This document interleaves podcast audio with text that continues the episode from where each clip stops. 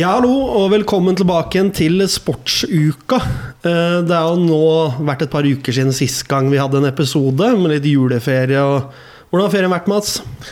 Nei, eh, strålende. Hjem til jul. Mor uh, har diska opp med de herligste retter uh, dag ut og dag inn. Tatt den lange veien til Manglerud. Den lange veien, de fem lange kilometerne. Ja, Deilig. Du, Ola? Jo, jeg har jo hatt White Christmas på Geilo, så det har vært kjempedeilig. Ti deilige dager med jule, masse julemat og family time.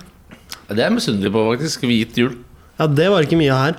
Men eh, til gjengjeld så har vi i hvert fall fått mye sport. Det har vi i hvert fall fått eh, disket på bordet. Men Vi kan kanskje starte da med alpin, for der har det ikke vært mangel på resultater, Ola. Nei, det har jo eh, Der har det vært, der har det vært norsk. Det er norsk fest, hvis man kan si det sånn. Ja, det har jo vært eh, Det har jo blitt satt til med en rekord, og det er jo kjempegøy. Ja, det har jo vært mange rekorder, hvis man kan si det sånn. Altså personlige rekorder og andre rekorder. Vi starta jo så fint med to seire på rad Kilde. Eh, ta oss gjennom de rennene, Ole. Ja, i Val Gardena han var vel han var vel førstemann kan si, at Svindal gjorde det i 15. Og tar to seire. Det er vanskelig om andre tar oss ta supergøy utfor han. Eh, han var rett og slett bare helt vilt rå i begge renna. Og eh, ja, du var sånn du, du bare så fra start at han kommer til å vinne. Altså, De andre skal i så fall kjøre latterlig bra. Nei, og han, ja, han kjørte fantastisk på ski, og så gikk det jo bra med de andre norske òg. Så på en måte at nei, jeg syns det var grisegøy, rett og slett. Så er det jo ikke bare gutta som har kjørt fort på ski. Eh, Kajsa Wickhoff Lie fikk jo sin nye beste notering i World Cup med fjerdeplass i utfornet Val d'Isère. Det er gledelig å kunne se at vi kan levere litt på begge sider av skjønnene, da. Det som er litt vondt, er at altså, jeg tror hun er en dårlig sving unna sin første v-cupseier. Fordi hun hadde så sinnssyk fart. Så gjør hun en litt brølere sving, og så blir hun likevel fire. Og hun er, uh, hun er ikke langt bak seieren, så jeg tror hun hadde tatt seieren. Hadde hun fått en god sving der. Det virker lovende, det. da Det kommer jo flere fartsrenn dette året. Mm, det gjør det. Så jeg, jeg, har ikke, jeg begynner å få troa i farta. Og nå som Ragnhild og jeg håper vi kommer tilbake på samme nivå som før, da, så kan vi faktisk få to norske som begynner å briljere alpint. Og det er lenge siden at man har hatt to norske i samme gren. Absolutt. Så er det en annen ung kar som jeg har mast mye om egentlig siden vi starta denne podkasten her. Atle Lee McGrath. Ny bestenotering. Han tok jo bare satt først bestenotering med 15.-plass, og så 11.-plass. Og så klinka han like greit til med en andreplass i Alta Badia nå, da. Sju hundredeler. Det er, det er et, Du kan prøve å blunke. Jeg tror ikke du klarer å blunke 700 deler engang. Prøv å trykke på, på start og stopp på stoppeklokka di. Du har ikke, du har ikke nubbsjans. Og det som, Men fremtiden er lys, da. ja, men det som er gøy, at han kunne satt, tatt rekorden til legenden Alberto Tomba. Hans rekord, altså aldersrekord gjaldt på de, han var 21 år og et eller annet.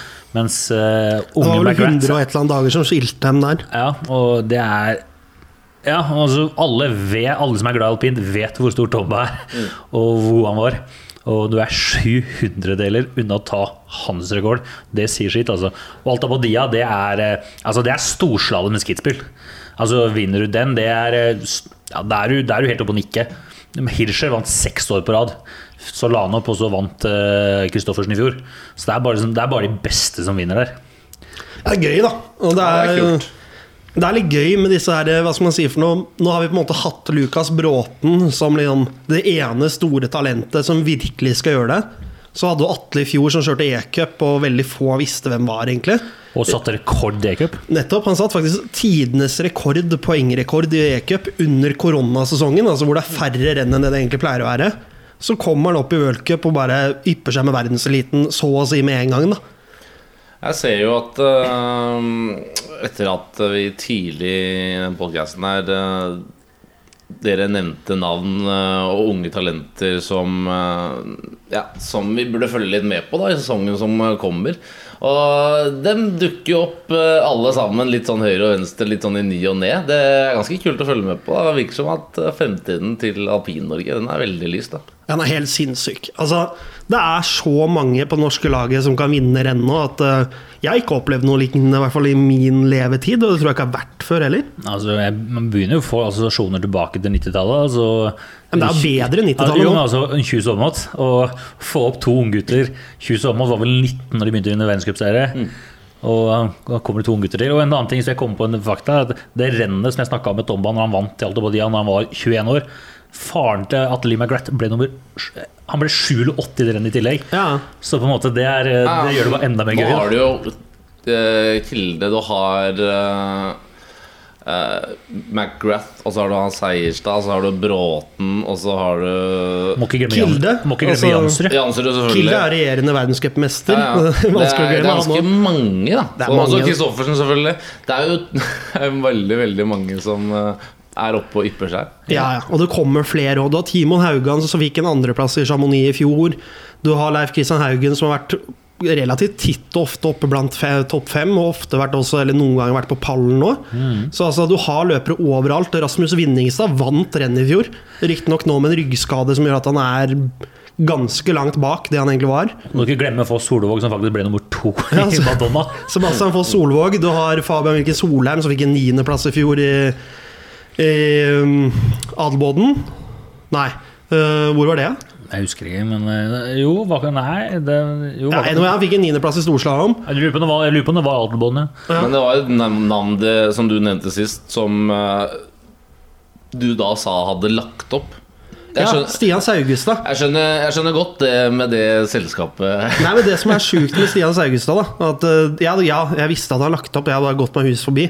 For Stian Saugestad han er regjerende storslalåmmester i NM. Hæ? Og ble ikke tatt med på landslaget. Det forteller bredden på dette landslaget. her Ja, Du det Du vinner NM, og du kommer ikke med på landslaget, for du er ikke god nok. Det er helt rått, faktisk. Ja, det er, det er helt sinnssykt. Men over til enda et renn til, fordi som Ola var innpå her. Sebastian Foss Solvåg han lå lenge an til å kunne vinne dette slalåmrennet her. Men eh, Kristoffersen ville annerledes, Ola. Men han, altså det som var sykt, han leda overlegent. Det var et renn som var så jevnt. Og så leder han med nesten halvsekundet etter første omgang. Det var første gang som bare Det var helt vilt å se på.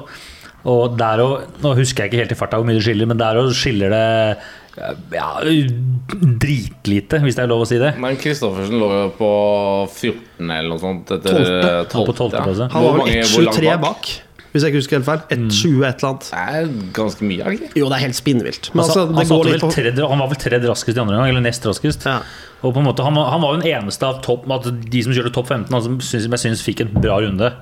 Og det var da viste han seg plutselig hvor god han er. Da. Og Ja, så må vi huske at når du starter såpass langt foran favoritten òg, så får du mye bedre føre òg. Så sånne ting spiller jo litt inn. Riktignok, det er veldig få som klarer det å måte ta igjen så mye uansett føre. Så det viser jo kvaliteter, det er ikke det jeg sier, men det er ikke nødvendigvis sånn at Henrik hadde vunnet hvis han hadde ledet på den toppen. Nei. Han kan ha dratt litt fordel av det at han måtte fighte litt òg. For det syns jeg vi har manglet litt i Henrik Kristoffersen i år. Det er den stabiliteten hvor han på en måte kan ligge mellom første til tredjeplass i første omgang, og fortsatt angripe i andre omgang. Da syns jeg han bare safer og egentlig gjør mye dumt i Men andre det omgang. sa han jo Det har han sagt i flere intervjuer før sesongen, at uh, i år så skal du se en annen Kristoffer som satser litt mer. da At Ja, han, stikk motsatt. han blir, å- jo, men at han, at han gambler litt mer, da. Hvis du skjønner mer. Jo, men jeg, jeg mener mener at han gjør det motsatte. Jeg Ja. synes Når han endelig da kommer seg inn til en bra førsteomgang, så gambler han ikke i det hele tatt i andre omgangen. Altså Han setter på nødbremsen, kommer seg pent og pyntelig ned, og det ser jo bra ut, for han er jo dritgod på ski. Men han, på en måte, han gir ikke det lille ekstra som gjør at du kommer opp på ballen. Og Det er derfor du ser disse sjette, syvende, niende, tolvteplassene han har levert i år. da det, Men der skal det sies, det, han har jo sagt for sesongen også at han har satsa veldig på slalåm. Dette var første slalåmrennet for sesongen, og det vinner han. Og han, var jo, han sa han var veldig overraska når han kom i mål i første omgang. For han trodde han hadde, han syntes han hadde kjørt bra sjøl. Ja, det var ganske gøy, for at han kom jo inn til en dårlig tid. Og så filmer jo kameraet sånn fem-ti minutter etterpå hvor han prater med treneren. Og da på en måte Han ser så frustrert ut, da. Og så sier han til han treneren da Helt ærlig, jeg syns jeg kjørte bra, jeg. Og så er han så langt bak. Men jeg har et dumt spørsmål. Kjør på. Uh, altså, hvem av alle de, disse uh, utøverne, hvem er det som kjører hva? Eller kjører alle alt? Nei, nei. Det er Hvis Det er ikke som på 90-tallet igjen. Nei, hvis du skal begynne å gå gjennom alle løperne som kjører de forskjellige grenene Nei, det er, de norske, de, De de, gutta som vi har snakka Altså om nå. Landslaget hovedsakelig er delt opp i to deler. Du har teknikklandslaget og fartlandslaget. Mm. Så har du Kilde, som er med på litt begge deler, og Rasmus når han er på en måte ikke vondt i ryggen. Uh, Henrik har vært med på et par super-G-renn. Det er veldig sjeldent, men han kjører jo ikke med landslaget uansett, så det er litt care, holdt jeg på å si. Mm. Men av teknikkgutta så har du alle ungguttene hovedsakelig, da. Lukas, Timon, Atle, Fabian Leif er ikke unggutt, men han er med, han òg. Seb Foss Solvåg, Jonathan Nordbotten. Og det er slalåm og Slalåm og storslalåm. Ja. Seb og Jonathan er riktignok kun slalåm. Mm. Fartsgutta er da Kilde, Jansrud, uh, Seierstedt. Og så har Henrik Rua var med nå. En jeg sto med, faktisk. Eh, Mm. 25 år gammel. Debuterte Han debuterte ikke i worldcup, han har kjørt ett renn før. Mm. Men en av de første worldcuprennene hans nå. Og så hadde du Stian i fjor, da Saugstad, som var med. Det er vel ikke noe flere da? Så sagt Rasmus i ny og ne, jeg tror ikke du har ingen jeg husker at du har glemt. Hvertfall. Nei. I så fall, beklager til den personen. Hører nok ikke på uansett, så det går fint. Nei, det går bra. Og så for å avslutte alpinen, da. eh, Et navn jeg tror vi kommer til å bli ganske godt kjent med etter hvert, det er Maria Tviberg. Hun har gått gjennom er det tre kneoperasjoner. Ja, noe sånt. Og hun er jo året eldre enn meg, så hun er jo 26 år gammel, så det høres ikke akkurat ut som noe ungt talent. Nei. Men hun har vel også vært inne på landslaget ved tre anledninger. Eller altså vært på landslaget, ut pga. skade, inn igjen, ut, inn igjen. Og nå, i går, så tok hun sine første worldcuppoeng i slalåm. Og da klinka hun til med like greit en åttendeplass, da, når hun først skulle gjøre det. Nest beste omgangstid i andre omgang. Og ja, det var helt vilt å se på. Hun viser sider av seg selv som man ikke har sett før, da. Så mm, hun kan levere bra. Men da er du stayer, da, når du holder på Ja, helt sjukt. Du kan få gjette hvilken, hvilken, hvilken klubb hun kjører for. Nei, Det må jo være Geilo, det, da. Geilo riktig. Bergenser fra Fana som kjører for Geilo IL. Geilos store datter. ja, problemet er som sagt at hun er fra Bergen, så det er så Ja, random som okay. du får det.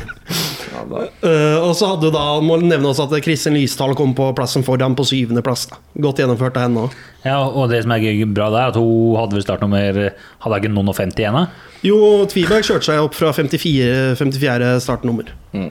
Så hun var den med høyest startnummer i andre omgang. da For dem som ikke helt vet hva det betyr, jo lenger bak du starter, jo vanskeligere er det å kjøre fort, da, for det er dårlig føre. Mm. Så det er veldig, veldig sterkt, da. Så, for dem som ikke er glad i alpin, nå er det over.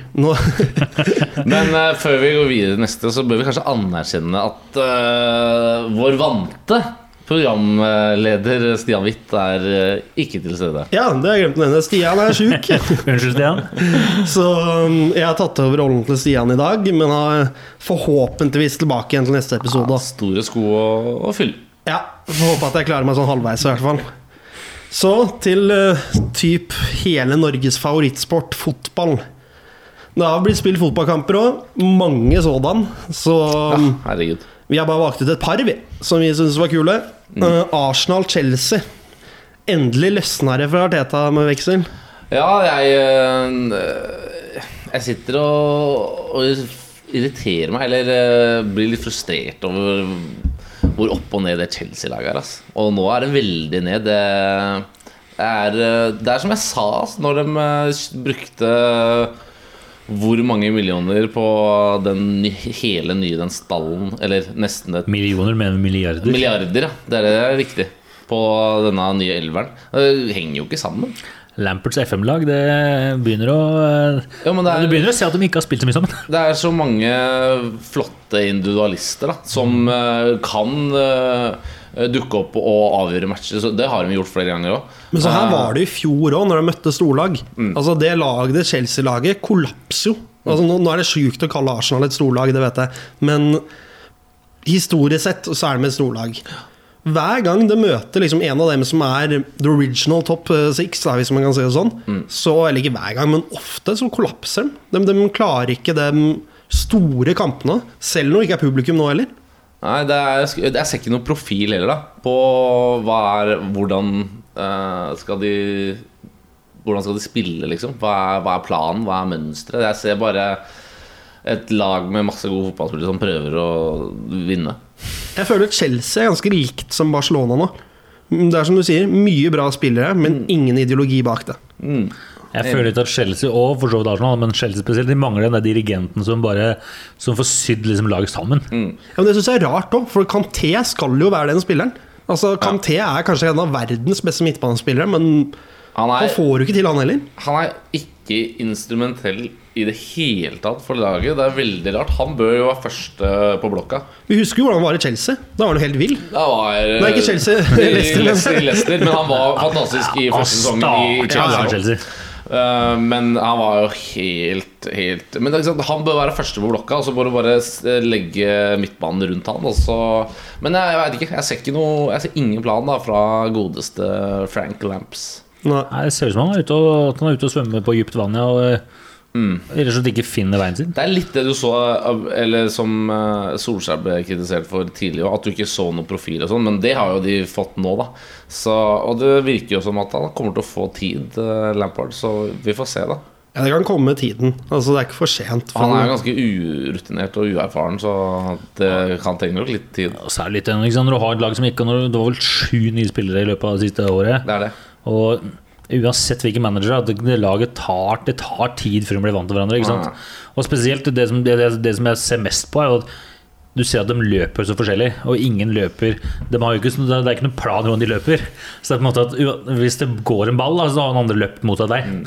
For de har jo ikke rekt å trene sammen. Ikke sant? For de spiller jo bare kamper. Ja, men det er jo liksom, De henta Timo Werner, som skåret på bestilling for eh, Leipzig. Og så henta de Kai Havertz, som eh, så ut som eh, neste Kevin De Bruyne. Kevin De Bruyne. Ja, altså har sånn jeg glemt at det er Premier League. Fra, fra, også fra Tyskland. Men de leker, når du leker FM, det er- funker ikke in real life. Og Havertz, det er litt sånn fun fact bak Kai Havertz. Og han har vel 29, eller 27 drakter? 29. 29 ja.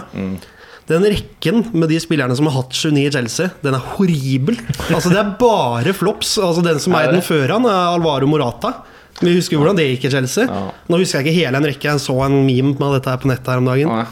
Den rekken er forferdelig dårlig med dem som har 29. Altså det, ikke at jeg tror på alt sånn overnaturlig, holdt jeg på å si, men det er nesten litt sånn som den syveren i United etter Beckham. Men, eh, Etter Ronaldo, men kanskje. Jeg er Ronaldo med det. Tror han for klarte seg å nevne Arsenal her òg. Altså, de imponerte ikke i den matchen de gjelder. Altså, det, Nei, men det er tre skal poeng, og sies. den treng, de trengs. Ja, ja, men det, Der også har det jo gått veldig feil vei. Men eh, det Ja, der så- var jo en viktig seier, da. For så på Arsenal i går, de var ute og, de var ute og sykla inn i går. Jo, men drar inn tre poeng, da. Det, nå begynner de faktisk For å ta det, altså Arsenal har sett helt annerledes ut. De har ikke fått til noe spill og ikke klart å avslutte kamper heller. Nå begynner de i hvert fall å klare å dra til seg poengene. Og så får heller spillet komme etter hvert, men som klarer da å avgjøre Chelsea, kjempeviktig kamp. Brighton skal jo være overkjøring, egentlig. Men de har ikke klart det heller tidligere, så nå får man i hvert fall bare se seg fornøyd med at ok, vi får i hvert fall tre poeng. da Men hvis det her er sånn at eh, Arteta har eh, nå skjønt at ok, nå nå må jeg ha resultater, for det, det må du jo hvis du skal holde deg i live. Liksom. Ja, Som på både i jobben og på tabellen. Og så har, han- og så har han lagt om litt og for å få inn de poengene. Da blir jeg imponert. Men det vet Ja, for du ser jo Han har gjort ekstreme tiltak før den Chelsea-kampen. Altså Da tenker jeg på hvordan han har satt opp laget. Mm. Typ Alle stjernene er på benken. Det er nesten kun unggutter fra Arsenal sitt akademi som starta den kampen, Ja, ja, ja. Og, og vinner 3-0 mot Chelsea. Altså Det er spillere som de fær- færreste egentlig har hørt om omtrent engang.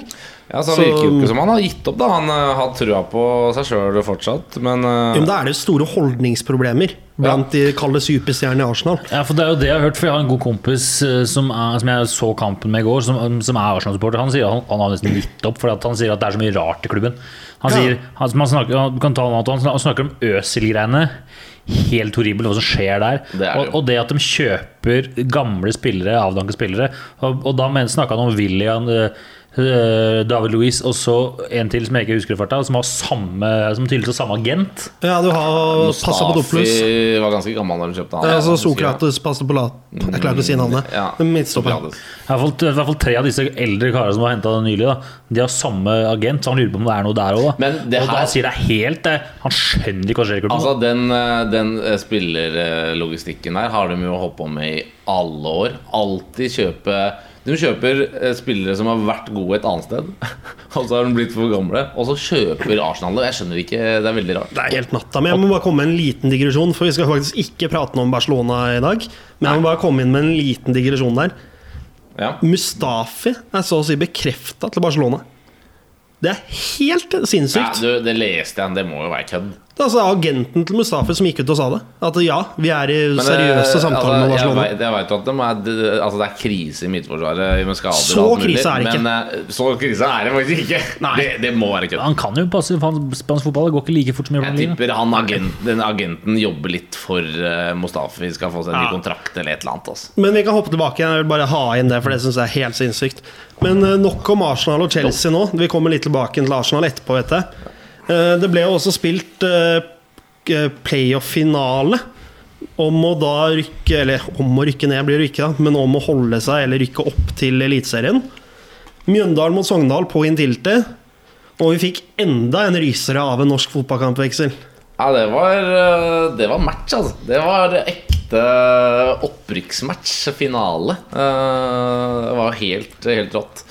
Det var jo Mjøndalen da, som tok, eh, tok ledelsen, og så eh, Ja, egentlig Altså, Mjøndalen var det beste laget eh, frem til da òg.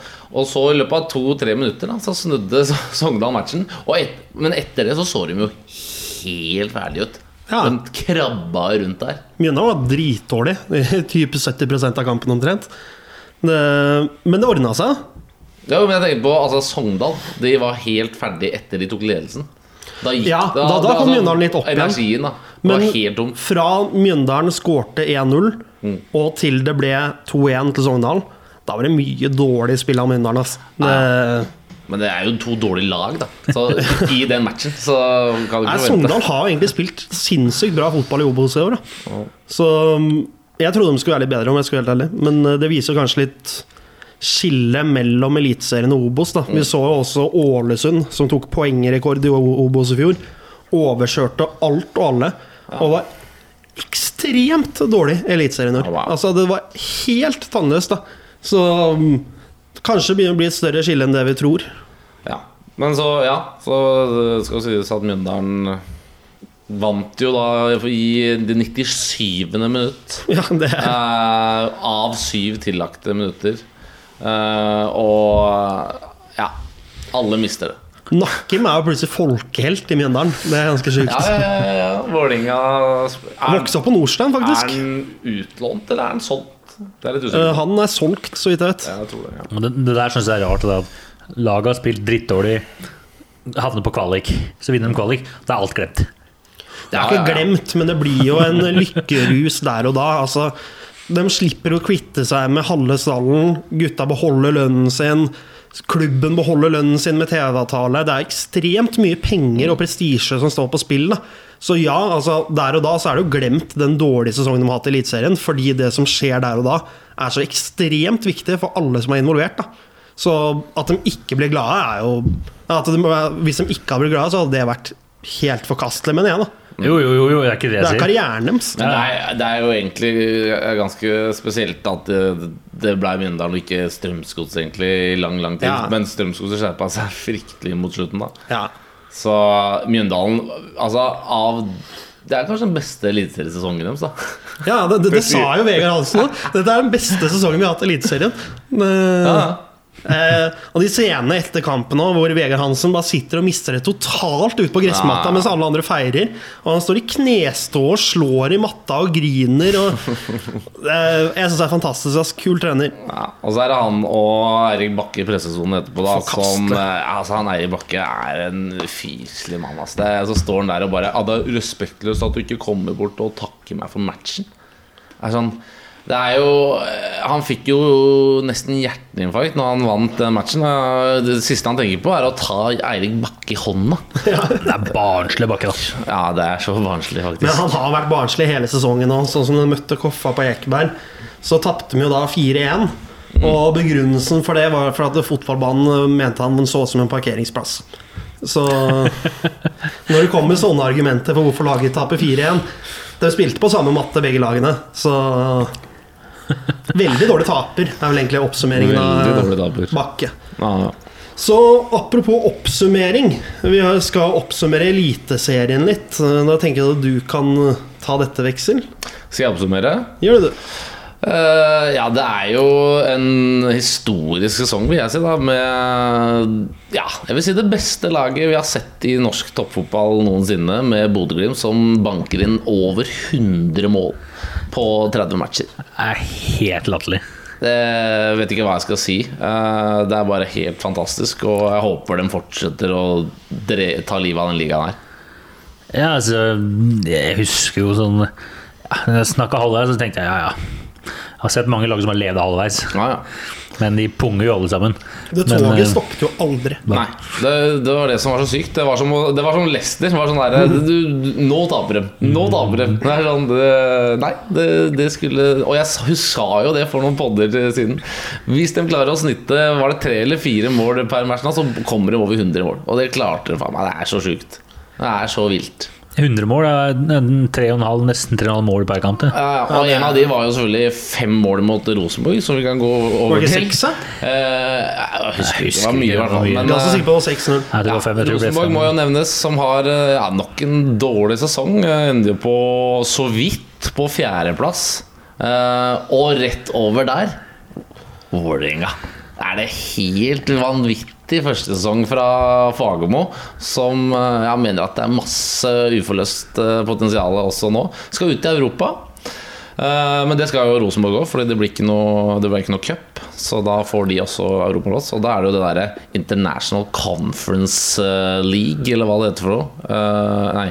Jo, jo tredjedivisjon av europeisk cup, European si sånn. Conference League heter det. Uh, så, men det jeg syns er rart, er at det er ingen som får Europaliga. Det er Champions League på første, sånn jeg har forstått det. Og så for resten um, uh, av de tre lagene. Den nye cupen, ja. Ja. Jeg har ikke satt meg noe inn i det, men Nei, jeg, har det ikke fått, jeg har ikke fått med at det har kommet en ny cup engang. Ja, da har du Det, solgt under det har gått meg hus forbi. Ja, det kom for to-tre år siden, eller noe, og så ble den satt opp at det skulle starte til neste år. Da. Det er på en måte å kalle det Hvis Champions League er første nivå, Mm. Europaligaen andre nivå, så er dette tredje nivå. da Og så har vi jo Rosenes by fikk andreplassen. Start velfortjent rykka ned sammen med Ålesund, som var enda verre. Og så var det en haug med lag imellom. Ja, egentlig en fin oppsummering. Trenger ikke gå så veldig mye mer eh, Vi tar topp og bunn. Ja, det holder, det. Topp og bunn, Ja, så har jo vår kjære gud Leonel Messi tatt en rekordvekselen. Fantastisk. Da er han den mest uh, skårende for én klubb, eh, med sine 644 mål. Det er jo helt ålreit, det. Eh, og slo da Pelé sin eh, rekord. Men det er det ikke alle som er enig med. Santos har nemlig gått ut som klubb og sagt at de nekter å godkjenne at den rekorden er slått. Ja, men De er jo helt loka. De mener jo han har skåret over 1000 mål eller noe. Det, Men så er det en ting som må legges til her òg, da. Den meste sin rekord er spinnvill. Og rekorden til Pelé den var spill- spinnvill. Men det svært få folk vet, da at Pelé spilte uten offside. Det Ja. var ikke offside Faen. i brasiliansk liga når han sant. spilte. Så da det kan de jo si Da kan Ja, du fiske! Nettopp. Så jeg vil jo si at det Messi har gjort, selv om det kun er ett mål som skiller dem nå, er Ja, ja. ekstremt mye mer imponerende enn hva Pelé gjorde. Og så, jo, og så har jo han gjort det her eh, etter eh, introduksjonen av soneforsvar og Ja. utviklingen av eh, forsvar. Altså, det er ikke lett å bare traske fram og score, eh, selv med et gudbenåda talent som både han og Pelé hadde. Men det var lettere for Pelé, og at Messi da slår den rekorden i denne æraen, det er jo mye sykere enn vi kan forstå. Ja, Bare se for dere hvis Messi kunne spilt uten offside, da. Eh, Det hadde jo vært, God jul. blitt for dumt. Nå må du ta med at keepernivået var dårligere den gangen. Alt var Forsvaret dårligere. var dårligere den gangen. Ja, det er det jeg mener. da altså, Mm. Det at Messi har fått til det nå, da hvor alt er i hvert fall nå på det høyeste nivået vi noensinne har sett, det er jo helt sinnssykt. Og da Det tar meg videre til én ting. Mm. Dette tiåret kan man jo på mange måter si er peaken til Lionel Messi. Mm. Slått alle, alle rekorder som er mulig å slå. Likevel så finner da noen ut at det er Ronaldo, Cristiano Ronaldo som er kåret til dette tiårets bes- beste spiller. Ja, det var, var det Fifa? Ja. Det er, ha, de har røyka sokka sine, for det er jo det dummeste jeg har hørt. Men det- Eneste måten som jeg kan tolke det på, det er at de går ikke etter spillerens resu unnskyld, resultater. De går etter hvilket lag han har spilt på sine resultater. Fordi dette i tiåret så har Real Madrid vært desidert den beste klubben, med Ronaldo da i spissen. Vunnet fire Champions League. Han har vunnet EM med Portugal. Men igjen, da, som jeg har diskutert med mange før òg Gullballen, tiårets spiller, sånne priser, det er ikke en, på en, måte en pokal som gis til den som har fått flest trofeer. Det går på hva har den spilleren gjort alene. Det er ikke en lagspillerkonkurranse. Men du ser jo også der at uh, hvis du vant Champions League, så, Så er, det, så er det en fra det laget som får den ballen. Men det er jo ikke nødvendigvis han som var best. Nei, og det, Ja. det, Jeg syns de prisene bare er latterlige, men likevel så prater vi om dem. Men, ja, ja, ja. Det er, de er jo det, men uh, Gullballen har jeg egentlig alltid jeg s- eh, s- ja, sett på som en veldig, veldig stor ære. Men det, det blir jo litt, det blir litt mindre og mindre for altså, hvert, eh, verdien til hvert gullballen Den sank så lavt den kunne når Luka Modric vant. Altså, da kan du bare drite i hele Det greia. er så mye, det er så mye lobbying involvert, og ja det, det er Men, ikke det har, samme. men har noen av dere lest for det har ikke jeg, men har noen av dere lest begrunnelsen for at Ronaldo vant? Nei. Ja, det er bare at de mener at han er beste spilleren, for han har vunnet Champions League så og så mange ganger. Mest scorende skårende spilleren i Champions League dette tiåret. Vunnet EM. Det er jo alle de basic factsa som alle kan, da.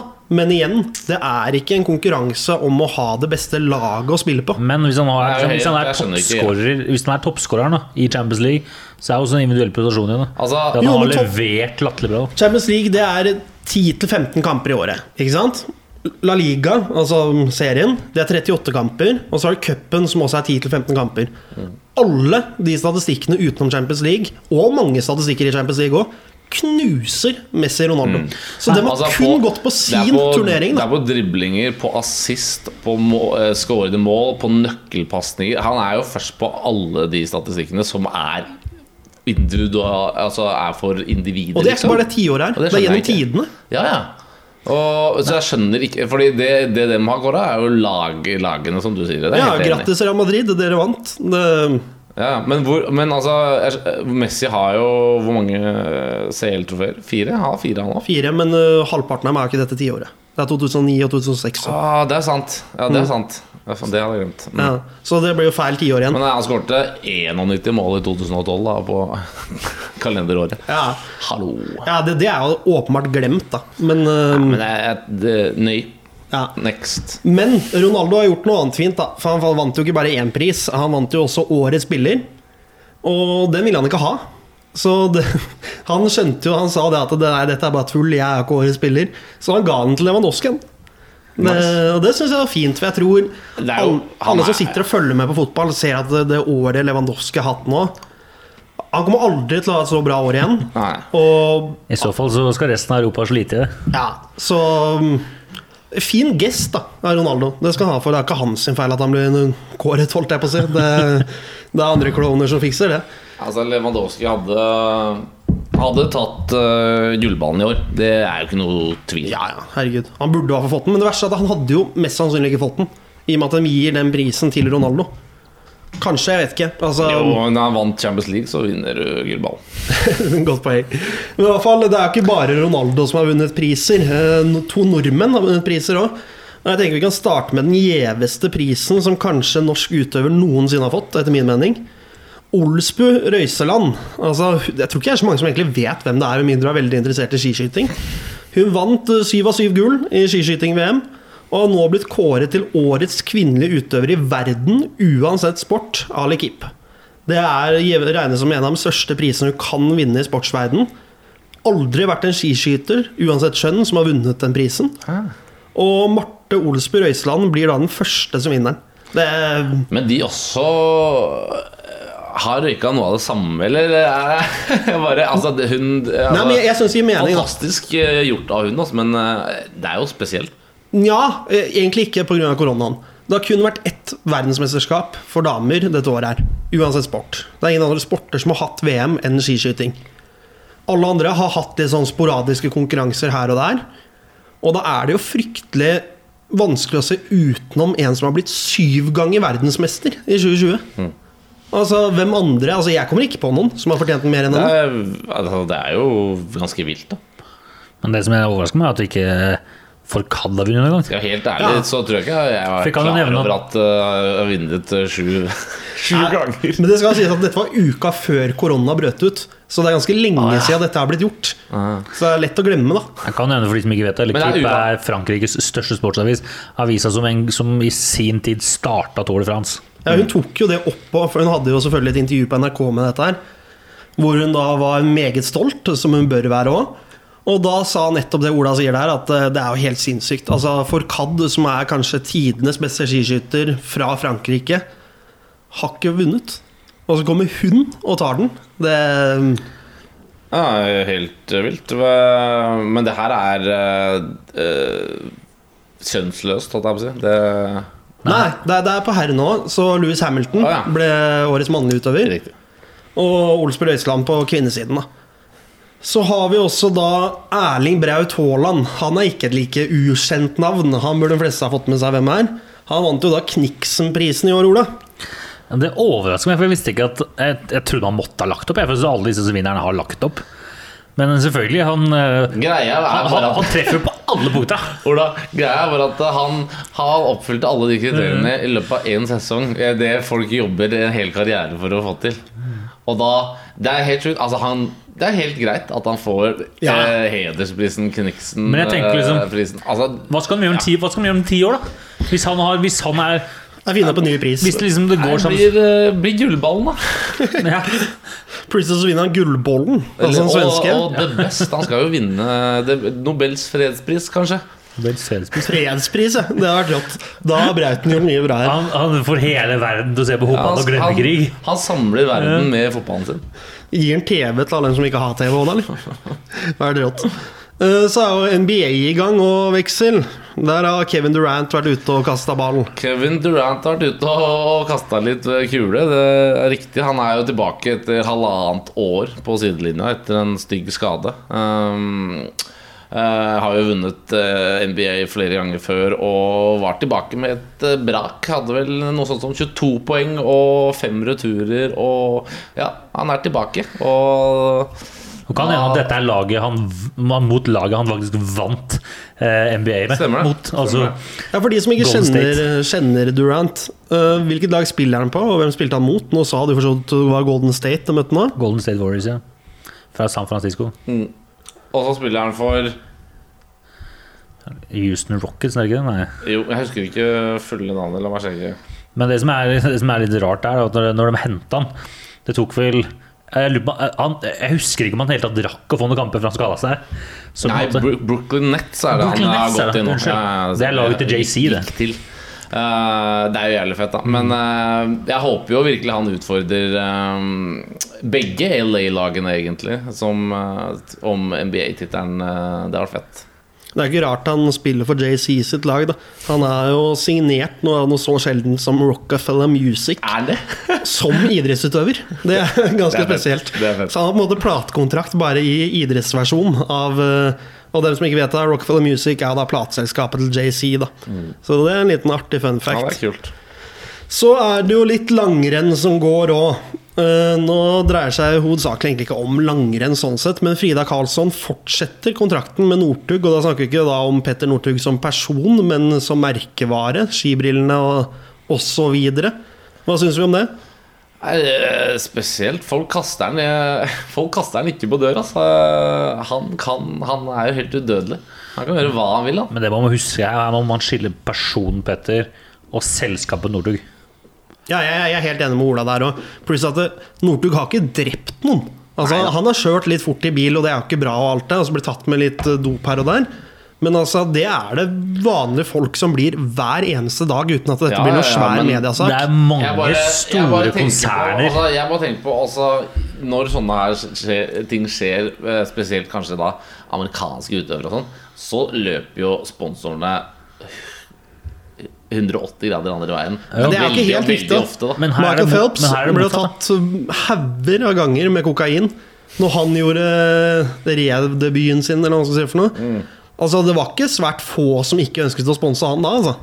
Du har Tiger Woods, som har vært inn og ut av rehab. Altså, Han har sponsorene på plass, han. Så altså, vi må ikke bli helt historieløse her. Nå sammenligner ikke jeg Northug med noen av dem heller, for så vidt, for det er jo ikke nærheten. Men her må Nei, du men du er, du er også enig i at det er ofte til det skjer i tillegg? Men her må du huske at det det er unntak. Her må du huske at det er motsatt. Northug. Det er ikke, handler ikke om at Northug har sponsorer. Det handler om at merkevaren til Northug Ja da. fremdeles Så Northugs sponsorer hadde kanskje forlatt han. Jo, jo, men Han da Men her, har du her handler det om selskapet hans, som ei bare bestemmer seg for å bare fortsette med. Ja. Ja. Ja, det, er, det er litt sært, men jeg syns det er fri, fint av Frida Karlstad nå. Altså, hun er jo venninne med Petter Northug. Ganske god venninne, etter jeg har forstått. Så altså Hvis alle skulle kaste han under bussen, alt er venner og familie, og alt sånt, så må huske at det er en personlighet der òg, ikke bare langrennsløperen Petter Northug. Så fint at i hvert fall noen fortsatt måtte støtte den, eller hva man skal si for noe. De første som, som gikk ut offentlig og støtta Northug, og som ikke som ville fortsette med, ut- med utstyret hans, var faktisk Skarverennet. Oi! Og hvem er arrangøren av Skarvrennet, Ola? Han klarer å Ja, pappa! Ja, pappa. dra inn Skarvrennet skarvrenn i alle mulige temaer. Det er helt rått. Skarvrennet må med. Hvor mange dager er det igjen, Ola? Det veit jeg ikke, men det er jo ny løype. Jeg kan snakke om dette på. Ja, det kan, jeg tror vi kan droppe Skarvrennet for folka som hører på. Men uh, Schumacher er jo et kjent navn. Nå kommer det et yngre format, eller versjon, eller hva man skal kalle det for noe veksel. Nå kommer eh, Nå kommer eh, Avkommet. avkommet til uh, Mikael Schumacher, altså. Mick Schumacher. eh, og skal eh, kjøre Formel 1 eh, for første gang for, i 2021, eh, fra 2021-sesongen for uh, Formel 1-teamet Has. Så det er jo eh, ja, historisk. Det er gøy. Da må huske der, og det er, det er ikke mange seter der. Nå husker jeg ikke hvor mange lag. Jeg lurer på om det er noen 22, det er 22 biler til start. Mm, ja. Det betyr at det er 22 seter. I, og hvor mange er ikke kjører bil i verden?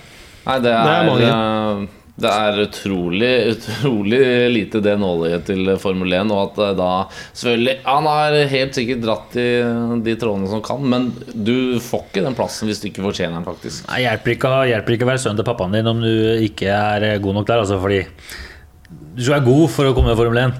Ja, ja det, det er kult for den. Og så er det jo Vi snakket jo litt om det forrige gang. Det skulle bli spilt eh, håndball-EM-finale. Eh, der var Norge ganske råe. Det var dem, og det var jo som jeg sa siden den første matchen jeg så mot Tyskland Nei, den har jeg dratt opp noen tre ganger nå. Når de ødela det Tyskland-laget, så sa vi ja, her cruiser vi mot EM-gull. Og det viste seg jo å stemme, det. Spot on, det. Eh, Nora Mørk med MVP i finalen, og ja, tårene trilla som vanlig fra jentene. Men der ble det jo spennende en stund. da. Ja. Men det er jo ikke bare damene som har vunnet håndballkamper. Det ble jo spilt Champions League-finale for herrene nå. Og der var det faen meg to nordmenn som var oppe og nikka igjen.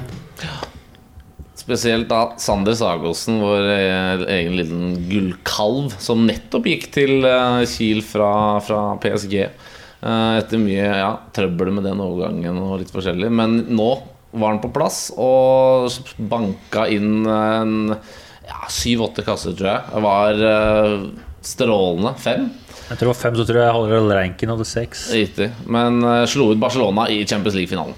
Det er deilig, det. I Final Four. Så må vi også nevne da at et uh, par timer før vi satte oss her og spilte inn, så røk også Carlsen ut av Champion Chess Tour. Rimelig spesielt. Det, dette er faktisk ikke finalen, det er ikke semifinalen, men i kvartfinalen mot eh, Dani Dubo, han som var dårligst ranka av de som var med igjen i kvartfinalen. Så Carlsen er ikke helt i form. Altså Han satt jo på en eller annen suite på seg skjellene og spilte dette her. Og svetta som en gris. Og kanskje ikke det lureste trekket han kunne gjort. Han må, Men eh, han må jo tippe ha vært 14 år siden han røyk i en kvartfinale. eller noe. ja, altså det, det, er, det er lenge siden. Han Altså. har jo hatt en, altså, par blemmer her og der, men eh, har jo hatt en vanvittig rekke da, Han har- i, på ganske lang tid. Det var over et år hvor han ikke tapte et parti Ja. i. Han har jo vært verdensener nå i snart ti år, tror jeg. Ja, han hadde en dupp for en tre-fire år siden, og etter det så har han bare vært steiner. Ja. Men jeg tror vi kan eh, si oss ferdig med uka som var da. Og så har vi jo fått inn litt spørsmål denne uka her òg. Rasmus Henriksen han lurer på om Arteta er rett mann for Arsenal. Dette var vi for så vidt inne på litt forrige gang. Men jeg vet jo at Rasmus han er jo Arsenal-fan, så jeg føler dette er litt sånn stikk foran til hva vi sa forrige gang. Fordi nå har de to seire siden sist vi prata om det. Og gjort en del taktiske eh, finesser. Altså, Altså jeg tenkte Jeg kan si litt om hva jeg tenkte i starten. Sånn Når han kom inn, så tenkte jeg at det var Det hørtes veldig bra ut. Altså Optikken på det var, eh, var god. Han har gått i læren hos Pep Guardiola. Arsenal vil alltid, har alltid hatt lyst til å spille ballbesittende gjennombruddssis i fotball. Um, og så syns jeg så litt gode tendenser i starten, men, men det har vært eh, det har vært eh, traust eh, de siste seks, sju, åtte matcha. Altså, de slår Chelsea, men de er ikke imponerende da heller. Men uh, han kan fortsatt være riktig mann. Ja, for det er som vi snakka om sist, hva er alternativene? Altså Det er jo ikke mye alternativ der ute. Han må være Tuchel, da. Han må få tid, da. Nå er det Tuchel, Tuchel klar, ja. Tuchel. Tuchel. Tuchel. Så vi får nå se. Uh, Anna Shona har sendt inn en haug av spørsmål denne uka òg. Takk for det. Hun er god. Hun er god på dette her. Uh, jeg kan ta det bare fra bånda. av, holdt jeg på å si. Hva tenker vi om Ståle Solbakken? Det har vi prata om ganske mange ganger, da, men vi kan bare gå en kjapp runde og sier en setning hver. Kan starte. Eh, bra fotballtrener, dårlig på koronaregler. Jeg har troa på den. Forventer VM. Forventer VM. Det er deilig. Så hvem er deres favorittspiller? Uh, gjennom alle tider, eller tar vi dem som spiller nå, da? Gjennom alle tider? Min, min er øh, Det er nesten samme eh, Vent, da. Jeg må, jeg må, Dere, dere har vel samme spiller? Uh, Nei, jeg er Ronaldinho hvis jeg er gjennom alle det, tider. det er egentlig min mann òg, da. Eh, jeg, Ronaldinho var liksom min første crush altså, i fotball. Ja. Nei, jeg må vel si eh, David Beckham, kanskje. Han er bare, altså, det er bare for at han er et ikon som bare har brent seg. Han var liksom en av gutta som fikk meg til å bli United-supporter. Og ja, han er bare Ja. Sjekkas, det der. Bend it like backs. Og hva er deres drømmematch, altså lag mot lag? Og her har jeg lyst til å putte inn en turnering for, for min, holdt jeg på å si. Fordi denne kampen ser vi to ganger hvert år, og jeg snakker om El Clásico. Men å få El Clásico i Champions League-finalen, det hadde vært min drømmematch. Ja, fantastisk. Det, det, det har, har jeg venta på i lang tid selv. Men eh, hvis jeg skal velge eh, Drømmematch Kan jeg se, kan jeg se United eh, Barca fra 2009 i om igjen, eller? Kjør på. Er- er det Det, er ikke noen regler på dette. Her for jeg, jeg skulle til å si at jeg, Min drømmematch har jeg sett, og det er, det er Champions League-finalen i 99. ja, men det er fair, det. Jeg har ennå ikke sett min. Men uh, hvis dere kunne valgt hvilken fotballklubb å spille i, hva hadde det vært? Um, da vet jeg ikke helt om vi skal ta forbehold med det jeg tenker på nå, men sånn Ja, jeg ville jo spilt i Barcelona, det hadde vært fett, og alt sånt, men hvis jeg skulle gått ut på kamp nå der, da hadde det ikke blitt noen seier.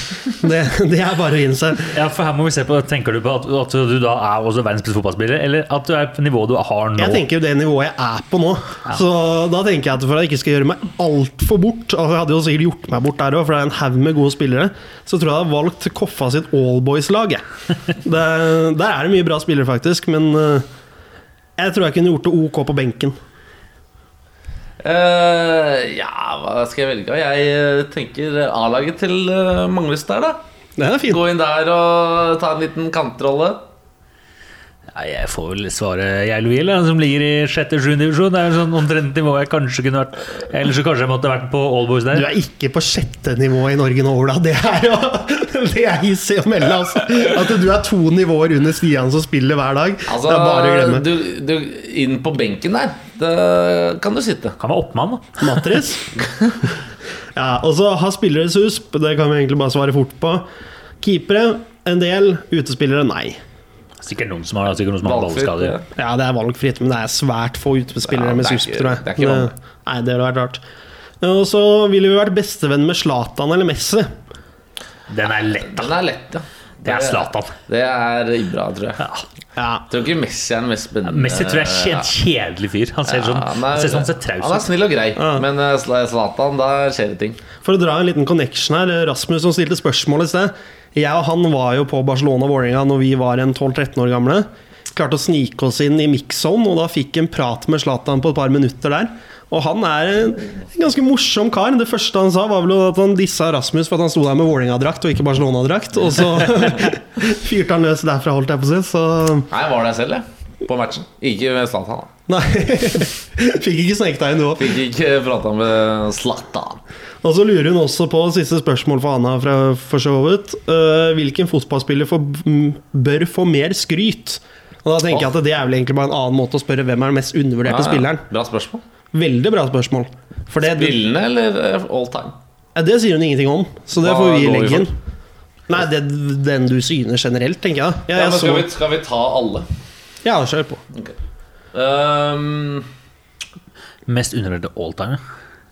ja, du kan velge. Uh, oh, det, er, det er vanskelig spørsmål. Uh, Jeg så, denne, bra jeg så dette spørsmålet tikke inn i går kveld. Jeg tenkte på det siden det. Jeg kommer ikke ja, fram til ikke funnet en? Altså, jeg har funnet flere, men jeg vet liksom ikke La ta et, gå for en, da. ja, Nå husker jeg ikke. Men altså, skal, skal, man, skal man ta liksom sånn alltime all-time undervurdert, så er jo Solskjønn undervurdert mann. Han, han har jo over 100 mål. Og masse, masse viktige mål. Men han starta aldri. På en måte, Jeg tror mange bare ikke skjønner hvor viktig han var. Da. Thomas Müller var den ene jeg kom fram til. Ah, ja. Jo, men Gidd, da. Miroslav Klause Ah, men Pjol? Er, er han undervurdert, Klause? Ja. Han, var jo, Nei, Klause er ikke undervurdert. Klause var, bare, Klause var klasse. han, er, han er fortsatt toppskårer i VM. Nei, Müller gikk forbi. Podolsky, men er undervurdert. Oh. Lukas Podolsky. Oh, Han var, han var god ett år, da. Det var mer enn ett år Lukas Podolsky leverte. Uh, Andrea Sjavin. Javier Saviola. Saviola. ja. Altså, du har. Altså, du har folk som uh, Jolie, da, som har avgjort Sant. uh, Champions League-finaler, som de færreste vet hvem er. Det, En annen fotballspiller nå er kan, eh, Det vil jeg faktisk si er Kanté. ja. Tror ikke folk, jeg tror ikke folk, er, jeg tror ikke det folk er blitt sagt skjønner så hvor viktig ganger at han han er. er ikke undervurdert lenger. Men jeg mener at Bruno Fernandes er undervurdert. Jeg, mener at han er Jo, men jeg mener at han er bedre enn det han skal. Det, men det, jeg mener at han er topp tre i verden, liksom. Nei, men nå må du gå og legge deg. Det er bare å glemme. Jeg er i Altså- topp tre i verden! Er du helt sinnssyk? Ok, Så han er bedre enn Altså- Erling Braut Haaland, Neymar, Mbappe, alle de sånn, altså- Det er bare å glemme. Formspiller. Han er nok for, topp tre formspiller i verden. Ja. Akkurat nå. Men vi får hoppe videre. Det, her var vi veldig uenige. Og så får vi et spørsmål som egentlig har vært innom litt der, fra Sjarma. Eh, er det spillerne eller Arteta? Vi kommer litt fram til at spillerne er mye dårlige holdninger på.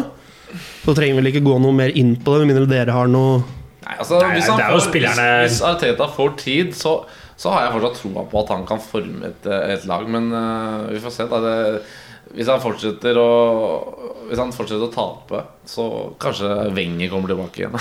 Det har vært rått. Kanskje folk begynner å tro at Arsenal er oppkalt etter Arsen igjen. Um, så har vi et rart spørsmål her. Um, se på favorittlaget spille finalen i Carabao Cup, eller date med en du er forelsket i. Du får kun én sjanse. Altså Carabao Cup er vel egentlig ingen som bryr seg om. jeg har ikke noe for, jeg har ikke noe, lag- jeg har ikke noe, jeg har ikke noe lag i England, så det ble enkelt, da. Ble date. Og så en, sjæl. ja, enda rarere spørsmål fra Sjarm her. Være ørnetemmer hos Crystal Palace eller draktvasker hos Manchester City? Lett! Det er ørnetemmer. Ja, Det er fordi du hater jeg, men- går- jeg tar draktvasker. Jeg tror det var- Ørnen skal ikke jeg eh, ha noe med å gjøre, ass. Jeg tror det å være matris, som egentlig det han mener her, da, i City, Ja. det tror jeg har vært ganske gøy. det ass. Men du, tenk hvor, Ja. tenk hvor fett det er at du kommer på Crystal Battle kamp etter Han kamp. er jo elsket, Så går du ut med en svær ørn på armen, og så sender du den opp, og så er du bare helt konge foran ja, Men alle Hver du hver er i en fantasiverden da eh, Nei, bare glem det. Altså, du, du har sett eh, All or Nothing Manchester City-versjonen, så, så ser du at han Matrisen er jo favoritten til gutta. Ja. Han får være med på mye. Så det var det vi hadde da lyttespørsmål. Men eh, du har en liten anbefaling i dag, du, Veksel. Det er helt riktig, det. Jeg eh, skulle egentlig ha den forrige gang. Da ble jeg rolig stoppa av programleder Hvitt. Men jeg så jo da den for noen uker siden, denne filmen som heter 'Miracle'. Film fra 2004 som omhandler det amerikanske landslaget øhm, som skal øh, ja, skal spille VM i 1980 under den kalde krigen. Uh, og da er det Kurt Russell, legenden uh, Kurt Russell, som portretterer uh, head coach Herb Brooks. Ah, det høres gøy ut. Og uh, han uh, får jo da uh, har, har bestemt seg for å spille en litt mer dynamisk hockey. For det har ikke gått så bra for det amerikanske landslaget i det siste. Så han skal spille en uh, hybrid uh, type hockey eh, kombinert av den sovjetiske og den canadiske måten. Høres jo fantastisk ut. Det er som å uh, spille vinters Barca og framover og vinters Atletico bakover. Det høres ut som et sånn spillemøte med Per-Mathias. Helt riktig. En kar med fryktelig mye ideer. Um, og når han skal velge ut laget, da, så får han jo da tilbudt alle de beste spillerne. Eh, Det er for øvrig ikke lov å ha med seg NHL-spillere, så det her er bare unggutter. Ikke sant? Fra college-lagene osv. Og, så og da tar han bort alle de beste spillerne, for han skal ha spesifikke spillere som skal gjøre spesifikke roller. Litt sånn moneyball-stil over det. Eh, har en veldig klar plan, men folk eh, gutta i ledelsen har ikke helt trua på dette. Man sier sånn Sånn blir det, eller så stikker jeg. Og så får han eh, vilja si. Og det starter jo litt eh, trått, men eh, det er faktisk en av de mest definerende scenene er på Jordal. Filma på Jordal. hvor de spiller mot Norge, faktisk. Og de spiller 3-3. Og da, da skal de fram og tilbake som straff på isen. Og han sliter dem helt ut, og der starter liksom moralen. Og så tar vi det helt til eh, de kommer til finalen og skal møte Må ikke spoile nå. ja, ja, det er. Men da skal de da møte og, og prøve å slå dette Sovjet-laget, som er legendarisk. De har 44 seire av 45 mulige. Og det er gåsehudfaktor i uh, uh, 100. Og det triller noen tårer mot, uh, mot slutten. Anbefalt. en av de beste idrettsfilmene jeg noen gang har sett. Og den er også basert på en sann historie, må også legges til. da Dette er ja, ja, eh, dette, ja. Dette har skjedd. Kan jeg bare stille spørsmål? Det er noen av disse gutta som spilte for, spilte for USA-laget der. Mm. Ble noen av de NHL-legender? Uh, legender ble det ikke, men eh, det var flere som kom inn i NHL etter dette.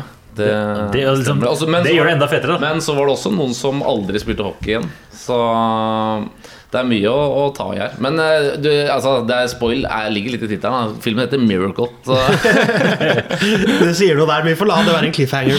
Uh, men andre det helt, ass. på det sterkeste. Så det er bare å gå hjem og se den etterpå. Ja, den er vel på Netflix, hvis jeg ikke husker helt feil. Kanskje også på Sumo. Jeg tror den ligger på Netflix. Ja, Fryktelig bra film.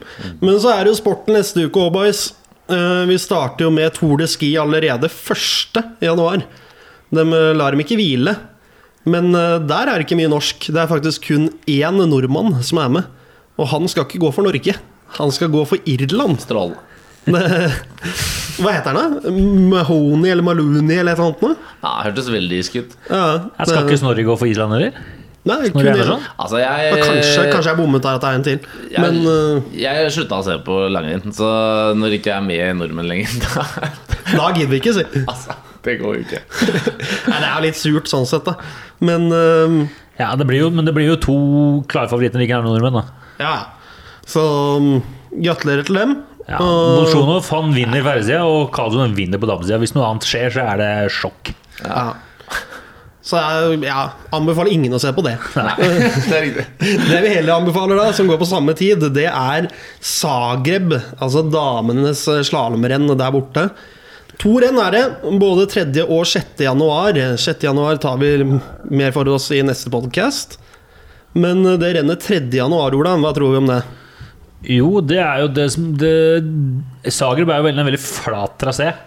Så det er veldig Nina Løseth har gjort det bra der, for hun har ofte vært veldig god på flatekjøring. Så det er liksom Det er den som er sjukt vanskelig å, øh, å liksom, å tenke på noen favoritter. For du må bare, bare være sjukt god på flata. Så det, kan, det som er gøy, da, det er at det kan komme mange, det kan komme mange oppunder. Ja, her har jeg lyst til å bare legge inn en sånn eh, liten sånn føler på Maria Tviberg der.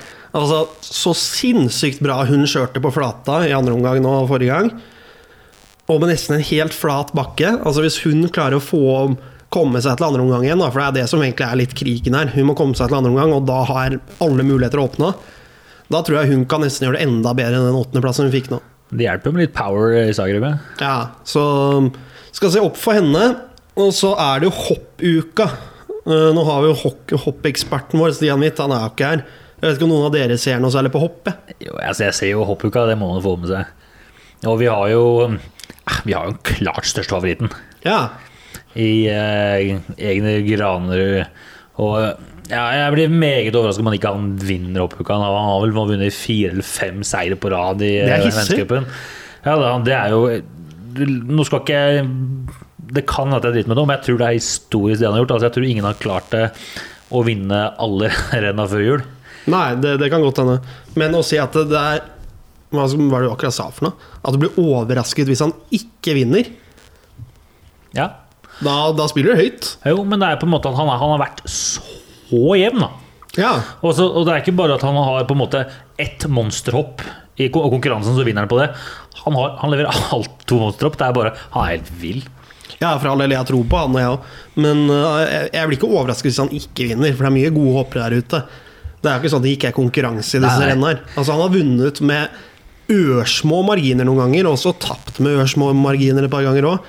Så mm, Nei, men Det som er kult med Hoppåka, altså, det er alltid den beste som vinner, pga. at det er så mange renn. det er for så vidt sant.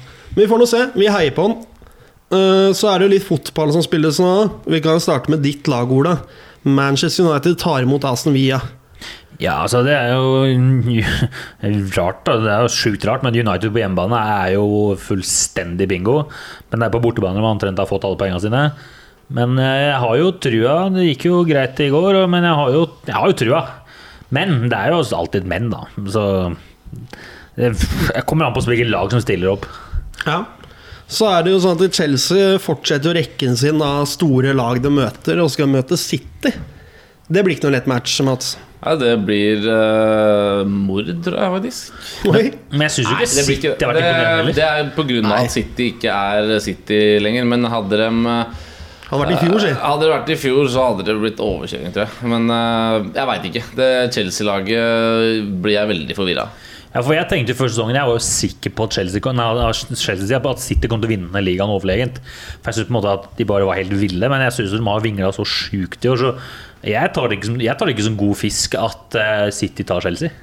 Nei, det, det kan bli en hard kamp for begge to, det. Altså, Klarer du å se at Chelsea slår City? Nei, men det er ikke det som gjelder heller. Ikke sant? Men jeg, det er jeg, er ikke, jeg hadde ikke betta på City. Nei. Kanskje Ola pleier ikke å vinne så mye, så kanskje man skal nettopp bette på City nå. Det Lite, lite Du- tips til de andre der ute. Så er det vel egentlig Vi har ikke så veldig mye mer som vi egentlig skal prate om neste uke. Det skjer jo litt her og der, men vi trenger ikke å gå inn på alt. Så vi kan egentlig hoppe videre til 21 spørsmål, som nå blir 20 spørsmål. For nå er vi jo faktisk bare to som skal spørre. Nei, du, må jo- du må jo fortsette med 21. Om det går ikke opp. Frem og tilbake. Så ja, ok, Hvem har lyst på et spørsmål mer enn Men vi tar jo, vi tar jo Det blir jo alltid sånn at en, Vi er jo på lag. Det er jo alltid sånn vi, pleier, vi har jo aldri endt med at vi har klart å kjøre Ja, du kan ikke At vi har klart å kjøre 1, 2, 3, 1, 2, 3 Da har det blitt Du sånn kan ikke hente navnet på konkurransen. Vi kjører 21 spørsmål, da. uh, hvem vil starte? Ta veksel, da. Jeg begynner, jeg. Det, det, det, dette er, jo, er vi gode på, men eh, han kommer jo alltid med noen curveballs. Skal vi se, da. Er det sommeridrett? Nei. Er det en kvinne? Ja. Ehm, er det ehm, Står hun på ski? Nei. Er det snø inne i bildet? Ja. Står Jeg må bare få lov til å kritisere det spørsmålet. Vintersport uten snø, det er ikke mange, altså. Eh, altså, nå Står, det, står hun på snowboard? Ja. har jeg akkurat lagt opp Er det Silje Norendal? ja. Den gikk fort. Boom! Men jeg har en, jeg har en til, siden dette gikk så jævlig fort. Så skal vi kjøre en til var da? det? Fem? Nei, det må være rekord Ja, det er der. Utvilsomt. altså Dere har aldri spurt om snowboard før nå. Så jeg tenkte sånn, ok, snowboard har aldri blitt spurt om. Da prøver vi det nå. Men når du ikke er ski på snø, så er det ikke så veldig mange varianter igjen da Gjør skøyter, da. Ja, det er ikke på snø, det er på is Kunne vært hockey. Er også på is Ja, nå er, nå er det der. her. Ok, men eh, skal vi ta en til, da? Ja Er det sommer? Nei. Er, er det kvinne? Nei. Det hadde vært rått nå hvis jeg tok Helene Er Olafsen. det Ja, det var gøy. Det var helt uh, vilt. Um, så det, er, hva, det var kvinne og sommer? ja. Ikke kvinne. Nei, det var mann og sommer. Mann og sommer Um, er friidrett? Nei, mann og vinter. Å ja. Hæ? Å ja. Var det det? Ja. Ok, sorry. Um, er det alpint? Nei. Da gjør jeg det igjen Er det, er det, er, er det på snø? Uh, nei. Igjen? Jo, men det betyr at da har vi tatt bort veldig Er mange sporter det ishockey? Ja. Mm, Er personen aktiv? Uh, nei.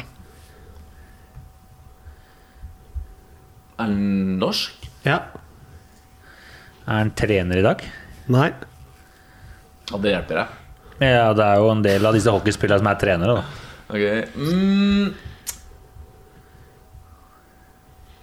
Har han spilt i utlandet? Nei.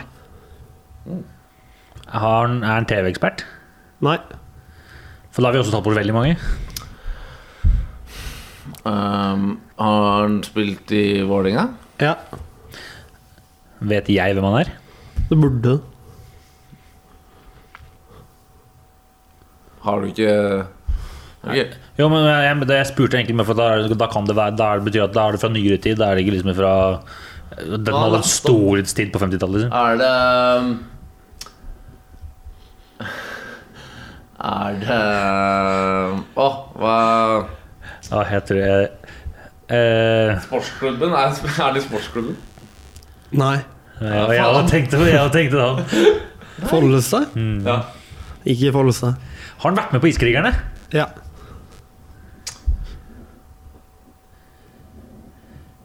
Men vi har da, vi har Ask Har eh, han kapteinen men han, Har han lagt opp? Han eh, som er han, eh, som Å ja, det er det selvfølgelig. Er, var han, spilte han keeper? Var han keeper? Ja. Hva heter han? Han heter uh, Heter han Glenn Jensen? Det er Glenn riktig. Jensen. Men du tenkte på Brede Ja, jeg tenkte på Brede Cæsar. Eh, Ja. Cæsar, ja. Cæsar, den var fin. Cæsar. Så eh, da klarte vi faktisk to runder med 21 spørsmål. Dere klarte ja, begge. Silje Nordendal ble for lett. Da notert. Ja, men hun har, hun har vært i media siste år. vet du. Jeg vet Så den sitter uh, men dere klarte jo ikke den forrige, så jeg tenkte jeg skulle sette ett nivå under. i men, eh, frontallappen. ble for lett, ja. Uh, Så er det over til siste segment der, tippelappen. Men da tenker jeg at uh, vi må bestemme en straff, for dette er jo siste episode for denne sesongen. Hvis man kan si det sånn. Så. Nå skal dette bli avgjort, da. Denne konkurransen. Vi tok jo og spurte om vi kunne få litt forslag til straffer. Og Har vi fått det? Vi fikk det. Yes. Men før vi, tar, skal vi, før vi snakker om straffer, skal vi, skal vi ta og bare høre stillinga? Sånn at folk kan tenke litt sånn Det kan vi gjøre. Det kan vi gjøre, vet du. Um, da kan jeg si så mye som at Stian har 23,85. Nå pleier vi egentlig å gå gjennom forrige runde, da, men det kan vi kanskje gjøre rett på. Uh, 23,85. Uh, Ola på 32,05. Vekselsen 36,9 og Seb på svimlende 127,75. Så jeg tror du er trygg. Da, Jeg er ikke Seb. fryktelig redd for å få noe straff neste episode. Så ærlig skal være. Eller Hvis ikke alle tre drar inn 100-oddset, da. Ja, det, Oh, det gøy. Det holder faktisk ikke for uh, For for Stian Stian har mer enn Han 100 var poeng. 150 odds Og så skal jeg bette litt òg, så det er ikke utenkelig at jeg får noen poeng. Det, det er sant. Eh, vi har fått fra din eh, gode venn eh, Veksel, Ja. som aldri klarer å si navnet riktig på. Jave M. Havnes. som- Jave? Jave, ja. ja, men Jave høres bare ut som den der Jade sjokolade. tenke, Han er bergenser, så det blir Jave. Men Husker du den Jade Det var sjokolade? ikke bergensk. Ja, Det er det jeg tenker på når jeg hører Jave. Eller Sjave. Jave. Jave. Gregoriman. Han vil at eh, de andre, altså hvis Stian taper, da, som det ligger an til, så skal vi tre få lov til å sende en egenkomponert SMS til en på kontaktlisten. Alt er lov til å skrive, legger han til. Altså, den er bra. Den er eh, solid. Det er jo Den er spennende. Den er fryktelig fin. Den er kul. Og Shauna har selvfølgelig vært på jobb her òg. Hun gir seg ikke, hun. Så hun skriver at taperen må uironisk synge første vers av og refreng av Katy Perrys sang 'Firework'. Eh, hvis taperen ikke kan den, så kan han synge et vers av refrenget av en sang- av en sang han kan. Elektrisk? Få gutten til å synge, i hvert fall, avslutter hun med. Så um, Jeg liker det. jeg tenker at den mobilgreia er morsom. Ja, den, er, den er ganske morsom, faktisk. Ja, der kan man jo gjøre litt. Det, um, så kan vi jo komme med forslag sjæl òg. Vi er jo ikke bundet Ja, opp til jo han er veldig glad i det flotte blonde håret sitt. Da, Stian Hvitt. eh, Så han vil ikke ha noen straffer involvert. ja, Det skrev han jo også før episoden. At, uh, Han kledde, jeg syns han kledde rødt hår. ja, jeg la ut et bilde av Stian med rødt hår. Um, Ja. Hadde jo vært gøy å farge håret hans. Ja. Han kan, man kan, man kan, han kan velge å farge håret rødt eller bli skamklipt av de andre gutta. Eller face tattoo. Ja, kan få valgfri Ikke valgfri, vi kan velge en tattis til han. Trampstamp? Liten trampstamp rett over eh. En trampstamp med sånn type uh, Liverpool-saks. Ja, med, med United inni Jeg tenker at hvis, hvis han skal få noe, så skal han jo få et av. United-greier. Og United-logoen på brystet. Den er fin. Da ser vi ikke Men- han igjen. Vi, vi må huske at eh, Ola er i faresonen, så da blir jo Liverpool ja, Altså, vi har en til her vekk, så er det faresonen. det er ikke helt skatt-free, jeg heller. Altså. Så blir det Rea-logo på brystkassa di. da. Å, fuck det. Nei, men skal vi gå for uh, farge håret, da? Ja. Farge håret. velge mellom det og Farge håret eller bli skamklipt av de andre gutta. skamklipt? Stemmer du for det? Jeg stemmer. For For. For, for, for. Oppløst og vedtatt. Da blir det en tur til frisøren på Stian mitt. Det, det er deilig. Ja, det er ikke, det er Det ikke, er ikke sikkert det blir han. Men uh, vi får nå se. Eh, så kan vi gå gjennom resultatene fra forrige uke. Det kan vi gjøre, vet du. Eh, da hadde jeg en fotballkamp som ikke gikk veien. Og så hadde jeg også Kajsa Wick og Fli, som vi var inne på i sted. Eh, Ja. Hun hadde jo 34 odds, kom på fjerdeplass. Det gir meg 8,5 poeng. Mm. Stian Nei, Stian er jo ikke her. Eh, Jeg kan ikke ta Stian sin, da. Han hadde jo at uh, Team Woods skulle ta seieren i uh, ja, denne familiære uh, turneringa i PGA. Uh, eller i golfverden. Eh, men han hadde også uh, Strømsgodsets borteseier mot Odd, 3,4. Så eh, for å få muligheten til å overleve her jeg hadde Mats Trygg-scoring mot Lillehammer, det gikk ikke. Men jeg hadde også via Real borte mot Osasuna, og den, eh, den gikk inn. 2,1 poeng der, altså. Det deilig. Jeg hadde jo trua på at Tottenham skulle ta Liverpool. De tapte dessverre 2-1. Riktig. Og så gikk jeg for uh, utfor, og da gikk jeg for uh, Dominic Paris. eh, at han skulle vinne i uh, Valgardena. Det gjorde han ikke, han ble nummer 15. så jeg fikk akkurat ett poeng. Hadde han blitt nummer 16, så hadde jeg ikke fått et poeng. Så eh, det var jo Så det vil da si altså Jeg gikk jo nettopp gjennom uh, tallene, men uh, Stian da ligger på sisteplass. Uh, eksakt uh, Skal vi se 6 eh, 20 6,20 bak Ola. Det må han ta igjen hvis han ikke skal bli skamklippet. Hvor mye er jeg bak deg, ja? Du er bare 4,4 bak meg.